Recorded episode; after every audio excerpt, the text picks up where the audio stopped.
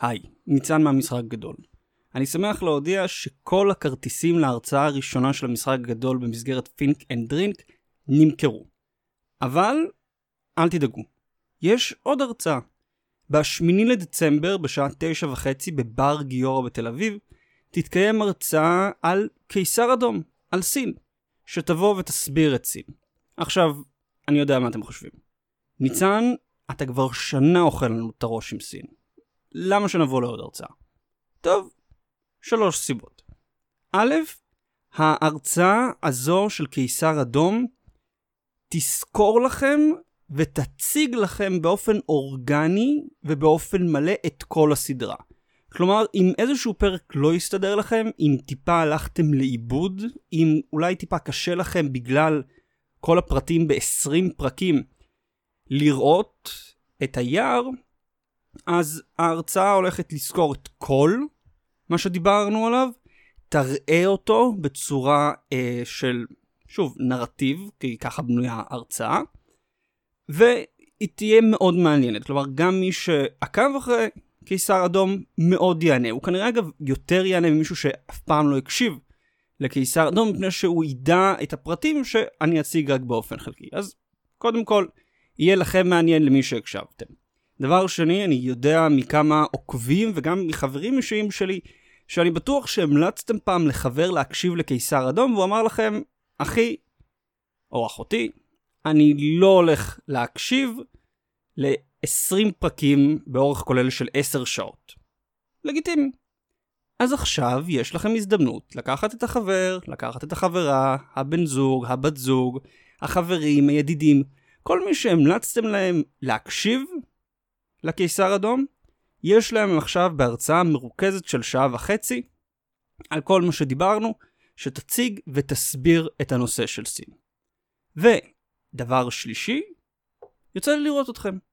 אני אשמח שתבואו, אני אשמח להיפגש איתכם, אני תמיד שמח לפגוש את העוקבים, וכמובן, כמו בהרצאה הקודמת, גם פה אני מבטיח להישאר אחרי ההרצאה לבירה, לדבר, לקשקש, וכמובן להתווכח. האם סין בדרך למשטר טוטליטרי או לא. אז לינק נמצא בהערות הפרק. מזמין אתכם לבוא שוב, 8 לדצמבר, 9 וחצי, בר גיורא בתל אביב, וניפגש שם.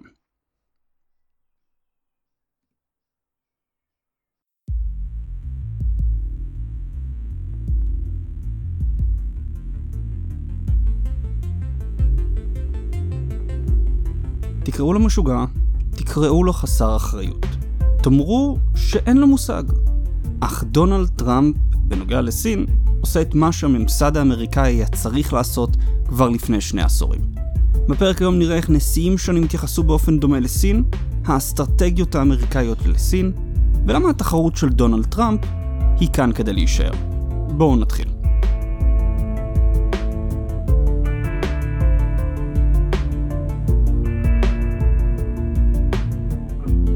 בואו ונחזור לרגע בקצרה על מה שדיברנו בפרק הקודם. סין עומדת בפני הידוק מחדש של אחיזת המפלגה במדינה. למען האמת, התהליך כבר התחיל עוד מימיו הראשונים של שי ג'ינפינג, ואנחנו עתידים לראות אותו משתכלל ומתרחב, והוא יקיף, בעזרת מערכת הדירוג החברתי, את כל היבטי החיים של הסיני הממוצע. במקביל להידוק האחיזה, המפלגה הקומוניסטית גם מחליפה את ההבטחה שלה לעם הסיני, משפע ושגשוג חומרי, לתחייה לאומית של האומה וחזרתה כמרכז הכלכלי, הטכנולוגי והפוליטי של העולם.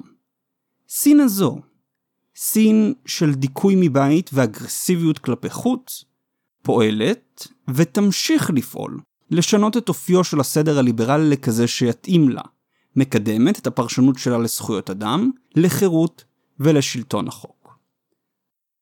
הקטע האחרון הוא חשוב. חשוב מאוד.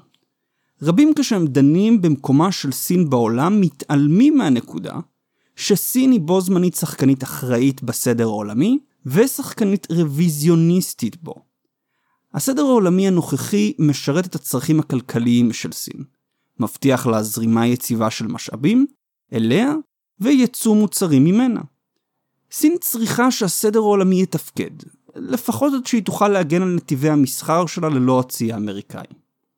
באותו זמן אבל, היא משנה את אופיו של הסדר הבינלאומי מסדר ליברלי לאוטוקרטי, אם לא טוטליטרי, שבו משטרים לא דמוקרטיים יכולים להיות בטוחים שהפעולות שלהם במדינתם לא ייענו בביקורת ואולי אף בסנקציות מצד העולם. בסדר כזה סין תהיה בטוחה יותר מסנקציות, והשלטון הקומוניסטי בה ייתפס לא רק כמשהו נורמלי, אלא אפילו מודל ראוי לחיקוי. לכן, צודקים מי שאומרים שסין היא שחקנית אחראית בסדר העולמי. אך מפספסים, אולי מתעלמים, שהיא גם שחקנית רוויזיוניסטית בו. מדוע זה חשוב? הוויכוח שקיים היום בוושינגטון בנוגע לאסטרטגיה שעל ארצות הברית לנקוט כלפי סין, מתעלם מהמורכבות של סין כשחקן גלובלי. אלה שתומכים בהמשך היחסים עם סין, מתעלמים מהשפעתה המזיקה על זכויות האדם בעולם. הם גם מתעלמים מהשפעתה המזיקה על זכויות אדם בארצות הברית עצמה. בפרק היום אנסה להציג תמונה תמציתית של גישת ארצות הברית לסין והמקום של סין בעולם. נראה את המרכיבים הדומים בין נשיאים שונים מאוד, ריצ'רד ניקסון וביל קלינטון, ג'ורג' בוש האב וברק אובמה. נבין את החשיבות של ממשל טראמפ ליחסים, ואנסה להציע מודיפיקציה של הגישה של טראמפ לסין, במסגרת האסטרטגיה שהממשל שלו עצמו הגה. תחרות בין המעצמות.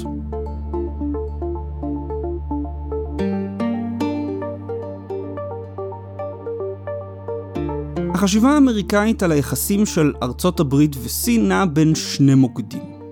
הכלה והתקשרות. engagement.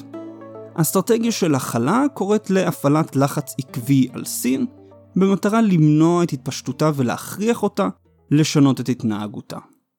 הכלה יושמה נגד ברית המועצות במהלך המלחמה הקרה בשביל למנוע את התפשטות הסובייטים באירו-אסיה. לעומת הכלה, אסטרטגיה של התקשרות מבקשת לשנות את התנהגותה של סין על ידי יצירת קשרים ודו-שיח רציף בינה ובין ארצות הברית. לפי התומכים באסטרטגיה של התקשרות, דו-שיח רציף וקשרים בין שתי המדינות יעודדו את הליברליזציה של החברה הסינית ויביאו לבסוף לדמוקרטיה ברפובליקה העממית של סין. מאז ימיה הראשונים של הרפובליקה העממית, החשיבה האסטרטגית בארצות הברית נעה בין שתי האסטרטגיות האלו. כך, בשנות ה-50 וה-60, מצד אחד עמד הקונגרס, שתמך בנקיטת אסטרטגיית תקיפה של הכלה, מושפע מהלובי הסיני של טיוואן. מצד שני, היה הנשיא דווייט אייזנהאואר, שתמך בהכרה דיפלומטית בסין הקומוניסטית ויצירת קשרי מסחר. מעין אסטרטגיית התקשרות. אולם אייזנהאואר לא ביטא בפומבי את דעותיו, משום ש, כך לפי אייזנהאואר עצמו, יש יותר מדי חברי קונגרס שיצלבו כל מי שטוען בעד איזה מסחר בין המדינות החופשיות וסין הקומוניסטית. סוף ציטוט. הראשון לאותת בגלוי על שינוי בגישה כלפי סין הקומוניסטית, ומי שלבסוף יביא להכרה דיפלומטית בה על ידי ארצות הברית, היה ריצ'רד ניקסון, שפרסם בפורן אפרס ב-1967 מאמר בשם אסיה לאחר וייטנאם.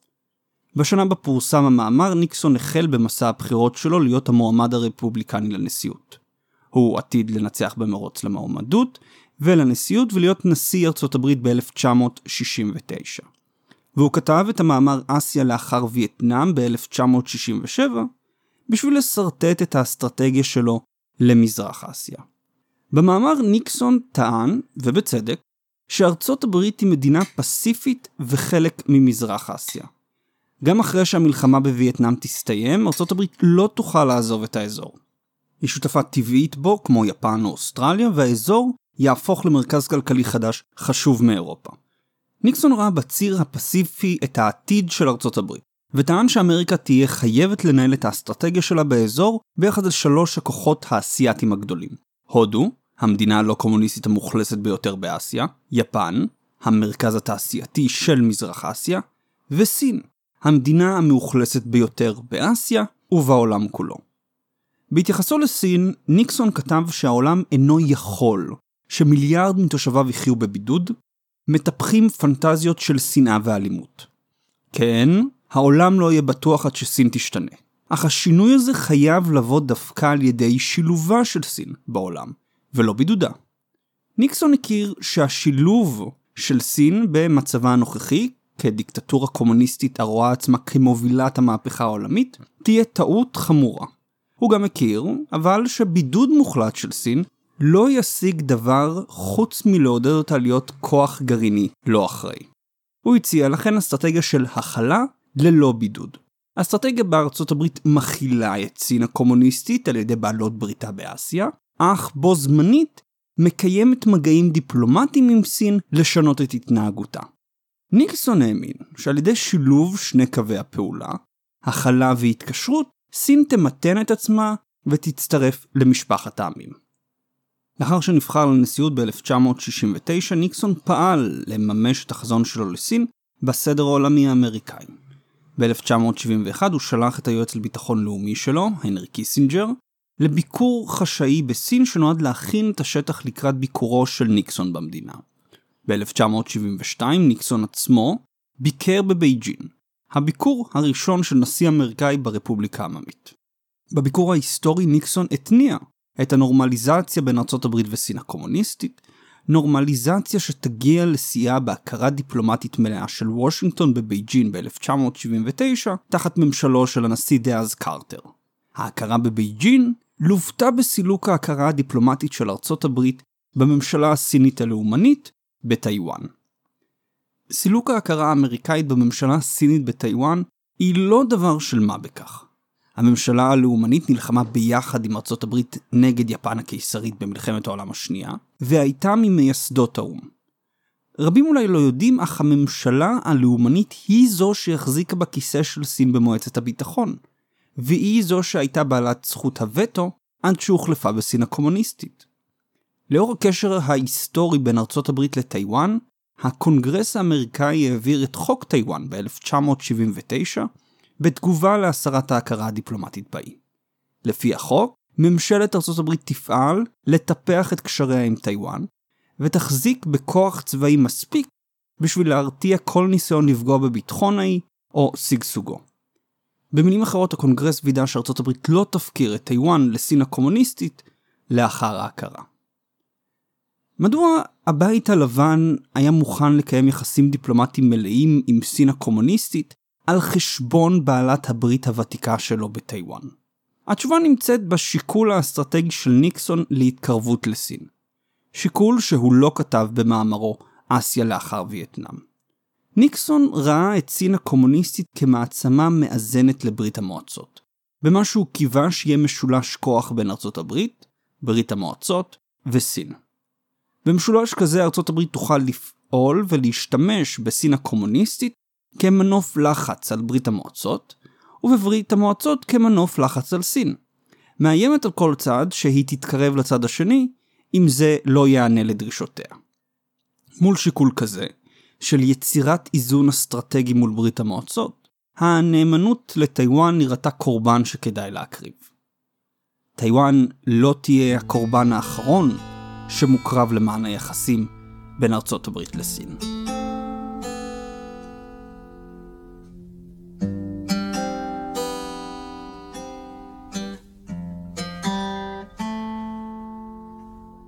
בשנות ה-80 דנג שיאופינג התחיל בשורה של רפורמות כלכליות בשוק הסיני, שהזניקו את סין מכלכלה מפגרת למרכז היצרני של העולם. המסחר של סין עם העולם כולו זינק, והמסחר עם ארצות הברית לא היה שונה. ב-1975 סך כל המסחר בין סין לארצות הברית עמד על כחצי מיליארד דולר. ב-1985 הוא כבר זינק ל-7 מיליארד דולר, וב-1989 הוא עמד על כמעט 20 מיליארד דולר. תחת ממשל רייגן היחסים עם סין הוגדרו כשיתוף פעולה אסטרטגי, וסין נתפסה כמי שנמצאת בדרכה לחופש, או כפי שרייגן ניסח זאת הצעדים של דן שאופין, הם הטעימה הראשונה של חופש עבור מיליארד איש. סוף ציטוט. בכל מקרה, השיקול האסטרטגי נותר על כנו. סין נתפסה ככוח מאזן לברית המועצות באירואסיה, ומנוף לחץ חשוב על הסובייטים. גם כאשר ברית המועצות החלה להיחלש בסוף שנות ה-80, הממשל בבית הלבן התעקש לשמור על יחסים קרובים עם בייג'ין, גם במחיר עימות מול הקונגרס. בקיץ 1989 דנג שיאופינג אפשר לצבא לדכא בכוח את ההפגנות בכיכר טיאננמן. הנשיא באותה עת היה ג'ורג' בוש אב, שהשקפת עולמו עוצבה על ידי ניקסון וקיסינג'ר. כמוהם, בוש האמין ששיקולים מוסריים הם משניים לאינטרסים של ביטחון לאומי, והיחסים בין ארצות הברית לסין חשובים מדי, אסטרטגית וכלכלית, בשביל לתת לאירוע בכיכר לפגוע בהם. הקונגרס חלק עליו. חברי קונגרס משתי המפלגות רצו להטיל סנקציות חריפות על סין, כעונש על מעשיה בטיאננמן. שני הצדדים, הבית הלבן והקונגרס, נאבקו לקבוע מה תהיה התגובה האמריקאית לטבח. בוש התעקש שפגיעה כלכלית בסין תפגע בסיכויים לדמוקרטיזציה שלה.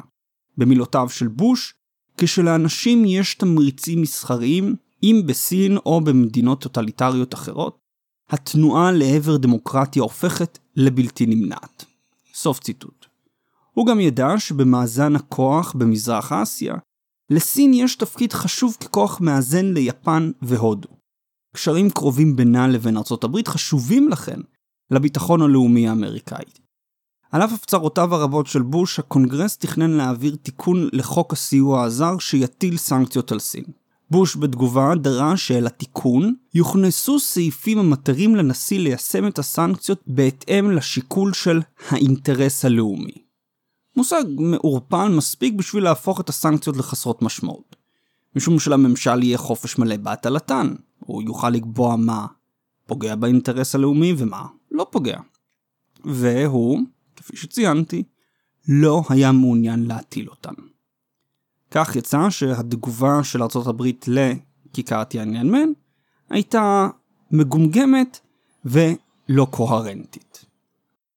מאבק דומה בין הקונגרס לנשיא חזר על עצמו תחת ממשל קלינטון בשנות ה-90. ממשל קלינטון היה הראשון להגדיר את האסטרטגיה מול סין כאסטרטגיה של התקשרות. בה ארצות הברית תנסה לשלב את סין לתוך הסדר האמריקאי. בניגוד לקודמיו, ממשל קלינטון הבהיר שהשגשוג הכלכלי לא בהכרח יביא לדמוקרטיזציה, אלא ליצירתו של מעמד ביניים שבתורו ידרוש ליברליזציה במדינה. בכירים בממשל הדגישו שבשביל להביא לליברליזציה במדינה, יידרש לחץ חיצוני מצד ארצות הברית, שתצטרך להמשיך ולעמוד על חשיבותם של זכויות אדם ושלטון החוק בסין. עם האסטרטגיה הזו הממשל לחץ בשנת 2000 על הקונגרס להעביר חקיקה שתנרמל את יחסי המסחר של ארצות הברית עם סין. חקיקה בשם Permanent Normal Trade Relations. עד אותה שנה, יחסי המסחר בין ארצות הברית וסין היו נתונים לסקירה שנתית על ידי הקונגרס, שהיה מחליט אם להמשיך ולאפשר סחר חופשי בין המדינות. ממשל קלינטון רצה לקבע את מצב הסחר החופשי בין המדינות, וטען שעל ידי אישור החקיקה הקונגרס יקדם את המטרה של ליברליזציה של סין, על ידי עידוד יצירתו של מעמד ביניים משגשג כלכלית. לאחר שפתח את השווקים האמריקאים לסין, קלינטון טען שיש לתמוך בכניסתה של סין לארגון הסחר העולמי, World Trade Organization, בשביל לפתוח את סין לארצות הברית.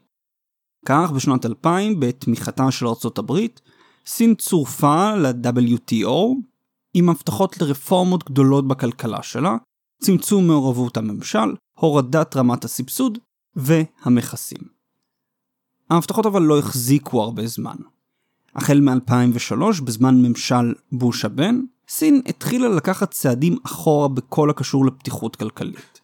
תחת הנהגתו של חו ג'ינטאו, קודמו בתפקיד של שי, סין שכללה והעמיקה את שליטתה במשק הסיני. היא הקימה גוף ממשלתי יחיד לניהול החברות הממשלתיות, שהמשיכו לשחק תפקיד משמעותי במשק הסיני, ויצאה בתוכנית תעשייתית חדשה שקראה, שימו לב, לפיתוח וחדשנות מקומית. אם זה נשמע מוכר, זה מפני שזה ניסוח דומה לתוכנית תוצרת סין 2025, שהושקה תחת שי ג'ינפינג. נוסף על חיזוק שליטתה בכלכלה, בייג'ין חזרה להשתמש באסטרטגיות בלתי חוקיות בשביל להשיג טכנולוגיה זרה. מאמר של פאול בלושטיין ב-Foreign Policy מאוקטובר 2019 מראה איך בייג'ין השתמשה, לדוגמה, בדרישה שטורבינות רוח חייבות להיות מיוצרות בסין, בשביל להשתלט על השוק. תחילה, חברות מערביות הקימו מפעלים בסין בשביל להיענות לדרישת הממשל, כן, על ייצור מקומי, מכשירות ספקים מקומיים לייצר את הטורבינות. בהמשך אותם ספקים הקימו חברות סיניות מתחרות לחברות המערביות.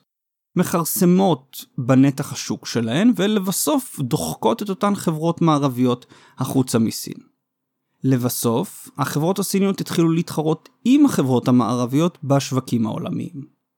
בייג'ין ידעה שהחברות לא התלוננו לממשלות שלהן על ההפרות האלו, משום שהן יפחדו לאבד את האחוז הקטן שעוד נותר להן בסין. בשוק גדול כמו סין, אפילו אחוזים בודדים הם רווחיים לרוב החברות.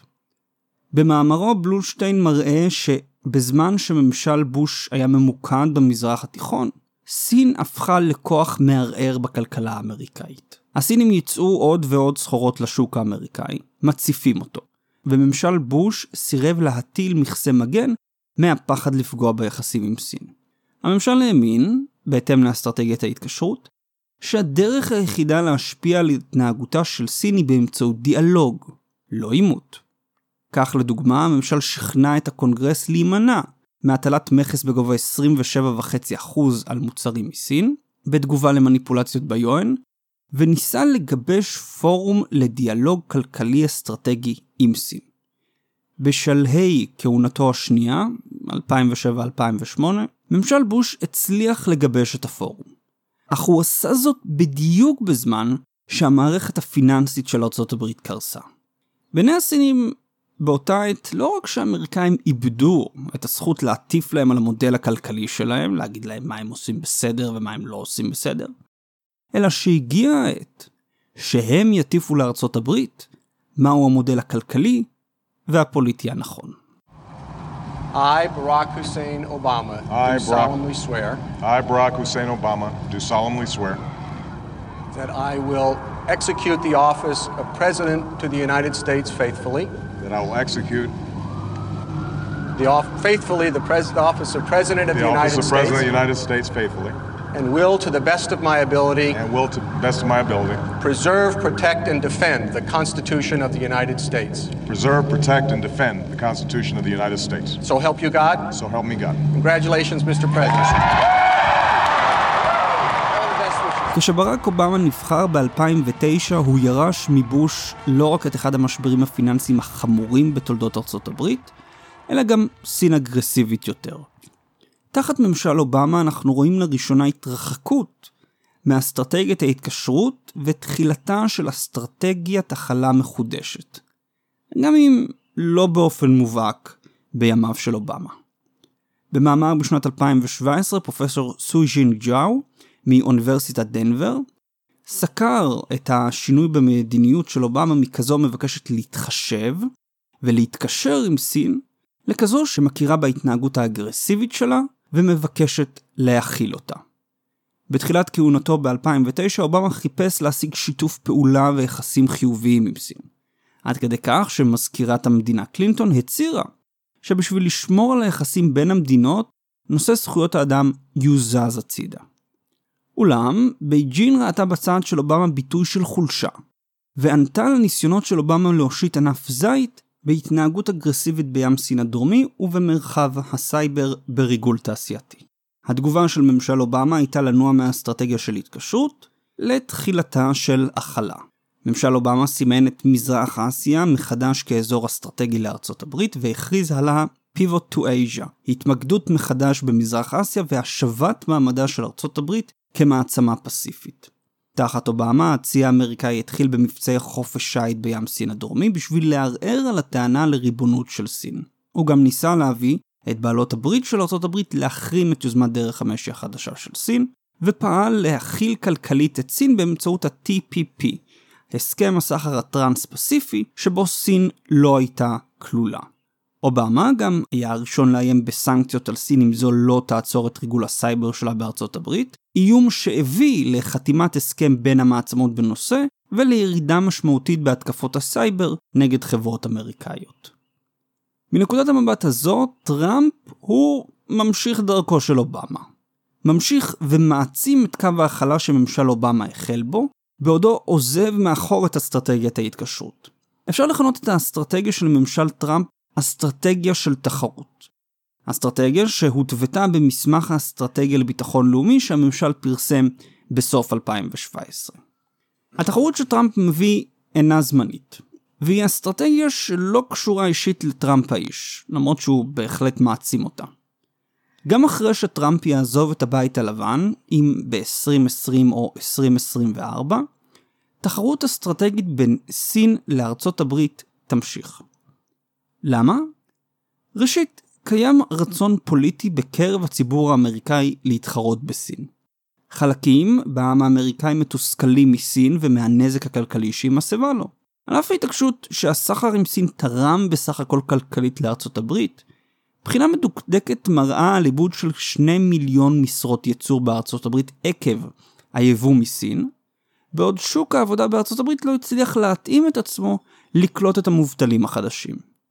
ממשל קלינטון וממשל בוש הבן התעלמו מהנזק ומהקריאות של העם האמריקאי, מה שהביא לבסוף לבחירתו של טראמפ כיחיד שנתפס כמי שמוכן להיאבק למען העובד האמריקאי נגד סין. האסטרטגיה שלו תכיר לכן בנזק הכלכלי שנגרם לארצות הברית, האסטרטגיה שלו תכיל מרכיב ברור של תחרות עם סין, לא תזכה לתמיכה של הציבור האמריקאי ורק תוסיף עוד תסכול שימשיך לכרסם ביחסים בין המדינות. שנית, סכסוך הסחר מראה שארצות הברית יכולה להפעיל לחץ כלכלי על סין ולגרום לנזק, מבלי להסב נזק משמעותי לכלכלת ארצות הברית. דוח של האו"ם מפברואר 2019 מראה שהנזק שארצות הברית מסבה לסין עם המכסים הוא לא סימטרי, והוא מזיק הרבה יותר לסין מאשר לארצות הברית. סכסוך הסחר גם מאיץ את היציאה של חברות מסין, ומביא לשינויים בשרשרות אספקה גלובליות. מראה שניתן על ידי מכסים לפגוע בתעשיית ההייטק בסין, ואולי אף לפגוע במאמצים שלה להתקדם במעלה שרשרת הערך העולמית. ההצלחה היחסית של ממשל טראמפ בסכסוך הסחר הנוכחי תעודד את הממשלים הבאים אחריו להמשיך ולדגול באסטרטגיה של תחרות מול סין. מה שנדרש אבל הוא לבצע ארגון ושיפור של מדיניות ממשל טראמפ לסין, הבהרה של הלוגיקה שלה והבנת הפגמים בביצוע. לכן, מכאן ולעד סופו של הפרק אבקש קודם כל להציג את הרעיון המתחרה לאסטרטגיית התחרות של טראמפ, הפגמים באותו רעיון והיתרונות בתחרות, ומה ממשל טראמפ צריך לתקן, או ממשלים אחרים צריכים שלא לחזור עליו, בשביל ליישם את התחרות הזו במידה גדולה יותר של הצלחה.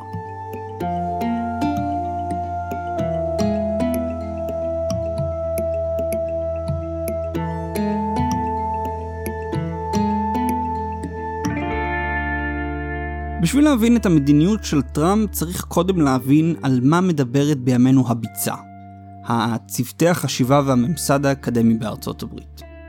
כיום הדיון שם נע סביב הרעיון של התקשרות עם תחרות, או דו-קיום תחרותי, בו ארצות הברית וסין יכולות לשתף פעולה בנושאים מסוימים, ולהתחרות בנושאים אחרים. אם נתמצת את הרעיון למרכיביו, הרי שהם א', ניסיון להכיל את סין על ידי לחץ בכל החזיתות יפגע בארצות הברית, יפגע בכלכלה העולמית ועלול לבודד את אמריקה בזירה הבינלאומית. ניסיון כזה גם לא יצליח לשנות את התנהגותה של סין ועלול להידרדר לעוינות גלויה בין המעצמות. ב. ישנם אלמנטים חיוביים וחשובים ביחסים עם סין שצריך לשמור, כמו שיתוף הפעולה בנושא התחממות גלובלית, פיתוח תשתיות באסיה ואפריקה, מניעת הפצה של נשק גרעיני ומאבק בפשע המאורגן. ג. הדרך להשפיע על התנהגותה השלילית של סין היא על ידי פעולה משותפת של ארצות הברית ובעלות בריתה, להפעלת לחץ ממוקד על סין בנקודות ספציפיות, כמו בנושא זכויות אדם, ריבונות בים סין הדרומי, הונג קונג ושינג'יאנג. ד.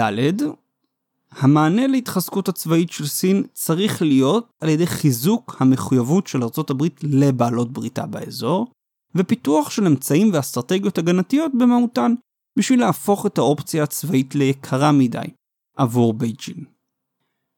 הבעיה של כל הרעיון הזה היא שהדינמיקה שלו אינה בת קיימא. על הנייר אפשר גם לשתף פעולה בתחומים מסוימים וגם להתחרות בתחומים אחרים. במציאות, כל התחומים קשורים אחד בשני. אין שום מדד אובייקטיבי שמבדיל בין תחום חשוב לשיתוף פעולה ותחום לגיטימי לתחרות. בייג'ין יכולה בקלות לקשור בין התחומים ולהבהיר שאם ארצות הברית רוצה שיתוף פעולה באחד, היא חייבת לרדת מהאחר.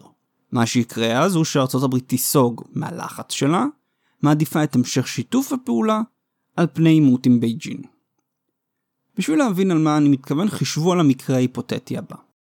בואו ונניח שארצות הברית רוצה לקדם הסכם להורדת הפליטה של גזי חממה, כחלק מהמאמץ להיאבק בהתחממות גלובלית.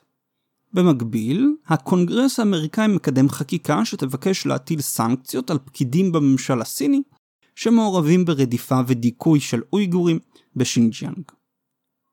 במהלך המו"מ על ההסכם על גזי פליטה, הצוות הסיני רומז לנציגים האמריקאים שבייג'ין אינה יכולה להצטרף להסכם כל עוד ארצות הברית מתערבת בנושא סיני פנימי, האיום בסנקציות בנוגע להפרת זכויות אדם לכאורה בשינג'יאנג. מה הבית הלבן יעשה? האם הוא ימשיך ללחוץ ויקריב את שיתוף הפעולה? או יעדיף את שיתוף הפעולה ויפסיק ללחוץ? לא מדובר אגב בתרחיש היפותטי בלבד. הדינמיקה הבעייתית הזו היא שהביאה לכישלון של אסטרטגיית ההתקשרות תחת ממשל קלינטון. כשהממשל עמד בפני הדילמה של ללחוץ בנושא זכויות אדם או להמשיך בשיתוף הפעולה הכלכלי, הוא העדיף את שיתוף הפעולה. על אף הצהרותיו של הממשל בדבר הצורך בלחץ רציף על סין בשביל ליברליזציה, הוא זנח את הלחץ והעדיף לקדם את יחסי המסחר בין המדינות. הדינמיקה של הרעיון גם אינה בת קיימא משום הלובי העסקי החזק בוושינגטון. לובי שילחץ על הממשל להתיישר עם מה שבייג'ין עושה, ובכל פעם ירצה להוריד עד כמה שאפשר את הסיכון לסכסוך סחר בין הכלכלות. הלובי ימשוך את הממשל להעדיף את החלק של דו-קיום על חשבון התחרותי, ויחזיר את ארצות הברית לנקודת ההתחלה, של אסטרטגיה מבולבלת, ומה שנראה לכאורה כמין השלמה עם ההתנהגות הלא הוגנת של סין. לעומת הרעיון של דו-קיום תחרותי, אסטרטגיה של תחרות מבוססת על לוגיקה שאינה כוללת הבחנה שרירותית בין נושאים לתחרות ונושאים לשיתוף פעולה. אסטרטגיה של תחרות מכירה שכן, ארצות הברית הרוויחה ומרוויחה מהקשר עם סין. וסין הרוויחה אף יותר מהקשר שלה עם ארצות הברית. ארצות הברית וסין יכולות לשתף פעולה בשביל לקבוע את האג'נדה הבינלאומית בנושאים כמו שכר, חדשנות, לחימה בטרור והתחממות גלובלית. הן שתיהן מעצמות פסיפיות, וסין לפחות רוצה את המשך היציבות של הסדר העולמי שהוקם ומתוחזק על ידי ארצות הברית. הבעיה שכל עוד בייג'ין ממשיכה בקו הטוטליטרי שלה, ממשיכה בהפרת זכויות אדם, גניבת קניין רוחני, סגירת חלקים בשוק של החברות האמריקאיות ונקיטת מדיניות כלכלית שאינה עולה בקנה אחד לא עם נורמות של כלכלת שוק חופשי או סחר חופשי, הברית אינה יכולה להמשיך ולהתקשר עימה. יותר מזה, בייג'ין מפעילה לחץ על חברות ויחידים אמריקאים ופוגעת בזכות הבסיסית של אזרחים אמריקאים לחופש הביטוי. בעודה מקדמת רוויזיה לזכויות אדם שתפגע בעקרונות עליהם נוסדה ארצות הברית. הזכות לחיים, לחירות והחתירה אחר העושר. בייג'ין גם, עם הנרטיב של תחייה לאומית, מערערת את היציבות הביטחונית במזרח אסיה. לבייג'ין מספר סכסוכים טריטוריאליים עם מדינות האזור, במיוחד בים סין הדרומי וים סין המזרחי. כיצד וושינגטון אמורה להגיב אם לא בתחרות? כשבייג'ין בונה את כוחה הצבאי בעודה מבטיחה לעם את חזרתה של סין לעברה המפואר. זו אינה הפעם הראשונה שמדינה מקדמת נרטיב לאומני וריאקציונרי בתגובה לבעיות בבית. היינו בסרט הזה, ולהתעלם מהאיום הפוטנציאלי שיש בסין חזקה ולאומנית, תהיה טעות אסטרטגית. ארה"ב אינה מבקשת לשנות את סין, למוטט אותה או להקים בדמוקרטיה. זו זכותו של העם הסיני לבחור את שיטת השלטון שלו, והוא בסופו של יום זה שיבחר אם להשלים עם הטוטליטריות של המפלגה או למרוד בה. אך זו זכותה של ארצות הברית להגן על האינטרסים הלאומיים שלה, על עסקים אמריקאים ועל הקניין הרוחני של אזרחיה. המכסים הם חלק מהתשובה האמריקאית למדיניות האגרסיבית והבלתי הוגנת של סין. נוסף על המכסים, ארצות הברית הטילה סנקציות על חברות שמעורבות במדינת המשטרה של שינג'יאנג, הורידה לכמעט אפס את ההשקעות הסיניות בארצות הברית, ופועלת להקטין את ההשפעה של סין בקמפוסים בארצות הברית. היא גם פועלת להגדיל את כוחה במרחב האינדו-פסיפי, בשביל להרתיע תוקפנות סינית במיוחד מול טיואן ובים סין הדרומי, ולבסוף ארצות הברית פועלת למנוע מחוואווי להתקין תשתית 5G בקרב בעלות בריתה עם הצלחה מעורבת. כל אלו הם היבטים שונים של התחרות האסטרטגית של ארצות הברית. תחרות שהממשל רואה בה הכרחית לשמירת כוחה של ארצות הברית, במזרח אסיה בפרט, ובעולם בכלל. הביקורת שנמתחת נגד האסטרטגיה שהיא עלולה להביא לניתוק בין הכלכלות ולדרדר את המדינות למשבר מסוכן ביחסים. בזמן שזה מצב פחות רצוי, זה מצב מתקבל על הדעת במסגרת אסטרטגיה של תחרות. שוב, ארה"ב לא יכולה להמשיך בעסקים כרגיל, בעוד סין פוגעת בעסקים אמריקאים ומתחזקת צבאית במזרח אסיה. סין יכולה בכל רגע להסכים לדרישות האמריקאיות למגרש משחקים הוגן כלכלית, לשמירת הקניין הרוחני של חברות ולעצירת המאמצים שלה להדק את אחיזת המדינה בחברה. אם היא בוחרת שלא לעשות זאת, זו החלטתה. והיא צריכה לשאת בתוצאות. חשוב גם לשים לב שלמרות שמספר פעמים במהלך סכסוך הסחר הזהירו שהמצב יידרדר מעבר לשליטה, ההידרדרות לא קרתה. הסיבה היא שארצות הברית חזקה יותר מסין, צבאית וכלכלית. סין אינה יכולה להתקיים ללא השוק הצרכני הגדול של ארצות הברית. בעוד ארצות הברית יכולה בהחלט למצוא מרכזים חדשים של ייצור זול. במקרה של הסלמה הנגרמת מהדדיות, הברית תנצח פשוט משום שסין תהיה הראשונה להגיע לנקודת שבירה. יותר מזה, המוכנות של סין לנקוט במדיניות של הסלמה הדדית תלויה בהערכה של בייג'ין עד איפה ארצות הברית מוכנה להסלים. אם בייג'ין תבין שארצות הברית תהיה מוכנה להגיע לסכסוך גלוי, היא תעדיף לחפש פשרה עם ארצות הברית במקום להמשיך את הסכסוך. זו הסיבה שבייג'ין כיום מעדיפה מחוות של רצון טוב והורדת המתיחות, במקום להמשיך בהסלמה מול ארצות הברית במסגרת סכסוך הסחר. האסטרטגיה של תחרות היא האסטרטגיה שוושינגטון הייתה צריכה לנקוט בה עוד תחת ממשל בוש. אך נמנעה מלעשות זאת מפחד של הידרדרות ביחסים. עכשיו, עם טראמפ, האסטרטגיה מצליחה להסב נזק לסין, להביא אותה לשקול מחדש את התנהגותה, ולכל הפחות, מחזקת את העמדה של ארצות הברית מולה. על כל אלו ממשל טראמפ עוד יכול להוסיף צעדים שיכולים לפגוע ולהביך את המפלגה הקומוניסטית.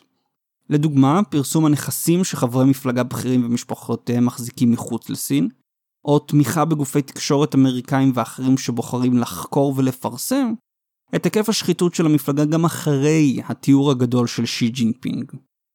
פרסומים כאלו יפגעו בתדמיתה של המפלגה ויפגעו בתמיכה הציבורית בה. ארה"ב גם יכולה לחזק את בעלות בריתה ושותפים אזוריים מול סין. במיוחד דרום קוריאה, יפן ווייטנאם. לבסוף, קמפיין מידע עקבי להפצת המידע על הקורה בשינג'יאנג ובתי כלא פוליטיים בסין, יביך את המפלגה בזירה העולמית ויחשוף לאזרחי סין את הפשעים שנעשים בשמם.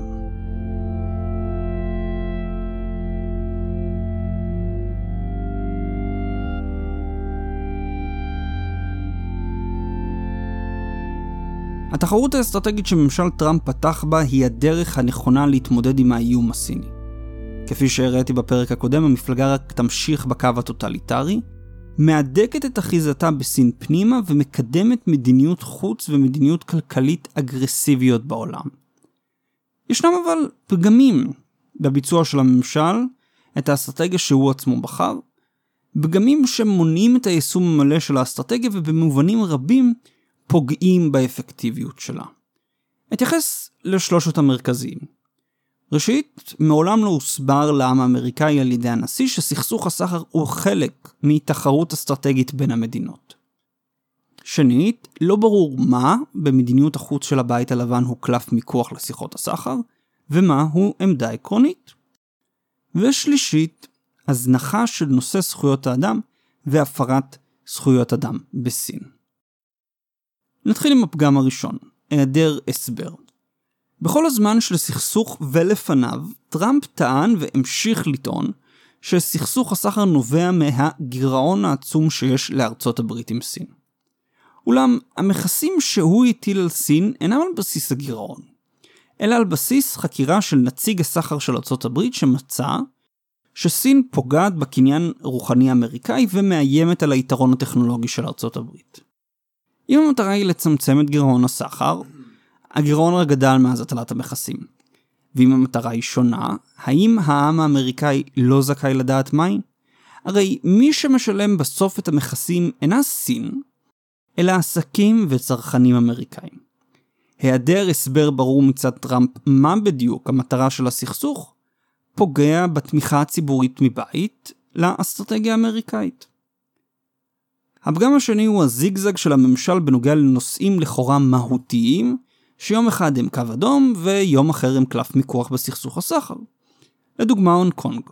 בתחילת ההפגנות ממשל טראמפ שמר על שתיקה רועמת, ונמנע מלתמוך בהן. אך עם הזמן התחיל לתמוך בהן ולקשור בין הסכם הסחר ובין ההפגנות בהונג קונג. דבר דומה קרה בנוגע לחוואוי, שרגע אחד מוחרמת קיום ביטחוני לארצות הברית, ורגע אחר נרמז שהחרם יוסר כחלק מהסכם סחר. האם הסכם סחר פתאום ישנה באופן קסום את האיום הביטחוני מהחברה? או שחוואוי מעולם לא הייתה איום כזה ומשמשת רק כקלף מיקוח? לדבר יש השלכות משמעותיות, השלכות דיפלומטיות משמעותיות. משום שוושינגטון לחצה את בעלות בריתה לא להשתמש במוצרים של חוואוי ברשתות ה-5G שלהן. יהיה המון זעם אם יבינו שוושינגטון הפעילה עליהן לחץ רק כחלק מסכסוך הסחר עם סין. שלישית, אחד האלמנטים החשובים ביותר בלמה ארצות הברית וסין נמצאות בתחרות, אם לא יריבות ממש, היא הנושא של זכויות אדם. זכויות אדם אוניברסליות עומדות בבסיס הקמתה של ארצות הברית, והיא נלחמה להגן עליהן מפני משטרים עריצים בשתי מלחמות עולם והמלחמה הקרה. הסיבה המרכזית ליריבות בין ארצות הברית לסין היא המשטר הטוטליטרי של המפלגה הקומוניסטית, שמבקש לשמור על עצמו בבית על ידי שינוי האופי הליברלי של הסדר העולמי. הוא מבקש לשמור על עצמו בבית ומכריח גופים אמריקאים לצנזר את עצמם. הוא מבקש לשמור על עצמו בבית ומקדם הבטחה חדשה לעם הסיני על תחייה לאומית שהיא תחייה לאומנית, עם כל הסכנה שיש בהבטחה כזו. זכויות אדם אינן עניין שולי פה, או דבר שיש להותיר כקלף מיקוח מול בייג'ין. יותר מזה, המשטר הקומוניסטי של בייג'ין הוא שביר, שונא תנודתיות ורגיש לברבורים שחורים. אם ארצות הברית תתמוך במי שמבקש זכויות אדם בסין מוסרית, אם היא תחשוף את פשעיה של סין ותדרוש מבייג'ין לעמוד בהתחייבויות שלה עצמה לשמירה על זכויות אדם, אם היא תתעקש שסין תוריד את חומת האש הגדולה שלה משום שזו פוגעת בזרימה החופשית של מידע, מעמודי התווך של הגלובליזציה, ופוגעת בזכות לחירות של כל אזרח בה, ארצות הברית תחשוף את המשטר הקומוניסטי לתנודות שיכולות להביא לסופו. להביא לסופו על ידי הפעולה הספונטנית של סינים רבים, שיהיו מוכנים לקום ולדרוש חופש גדול יותר לעצמם ולארצם. תמיכה בזכויות אדם היא לא רק חובה מוסרית, אלא גם הנשק היעיל ביותר נגד משטרים טוטליטריים. האם זה יצליח? אינני יודע. יותר מזה, חשוב לי להדגיש שמיטוט המפלגה הקומוניסטית לא צריך להיות מטרה של ארצות הברית. זו זכותו של העם הסיני לבחור את צורת הממשלה הרצויה לו. גם אם העם הסיני יבחר להתקומם נגד המפלגה, ארצות הברית צריכה להימנע מלתמוך בו מעבר לתמיכה מוסרית. ואיום בסנקציות על המפלגה אם היא תחליט לפעול באלימות נגדו במקום לפתוח בדיאלוג.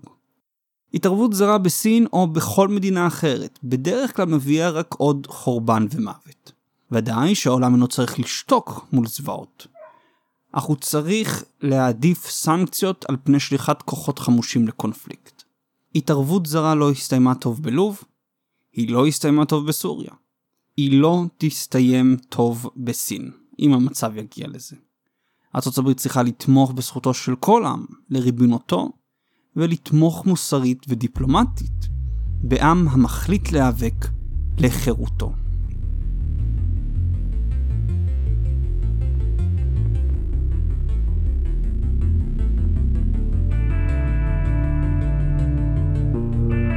האסטרטגיה של תחרות בין מעצמות שממשל טראמפ נוקט בה היא הדרך הנכונה להתמודדות בין סין לארצות הברית.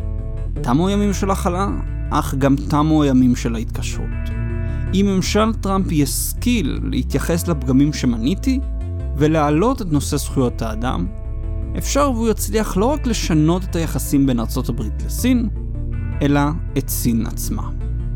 בפרק הבא נראה מה צריכה להיות העמדה האסטרטגית של ישראל מול סין החדשה. תודה לכם להקשבה. זה הכל להיום. אל תשכחו לדרג את הפודקאסט ב iTunes ולהמליץ לחברים ולבני משפחה. אם יש לכם הערות או הארות, אתם מוזמנים לשלוח אליי למייל בניצן פוקס שטרודל Gmail.com או דרך דף הפייסבוק של המשחק הגדול. אם אתם מעוניינים להמשיך ולהתעדכן בידיעות מהמשחק הגדול, אני מזמין אתכם להצטרף לדף הפייסבוק, לערוץ הטלגרם או ערוץ האינסטגרם. פרקי המשחק הגדול גם זמינים ביוטיוב. את המוזיקה ששמעתם הלחין גיא שילה, שגם ערך את הפרק. כאן ניצן דוד פוקס, המפיק של המשחק הגדול, ואני רוצה להודות לכם שוב על ההאזנה.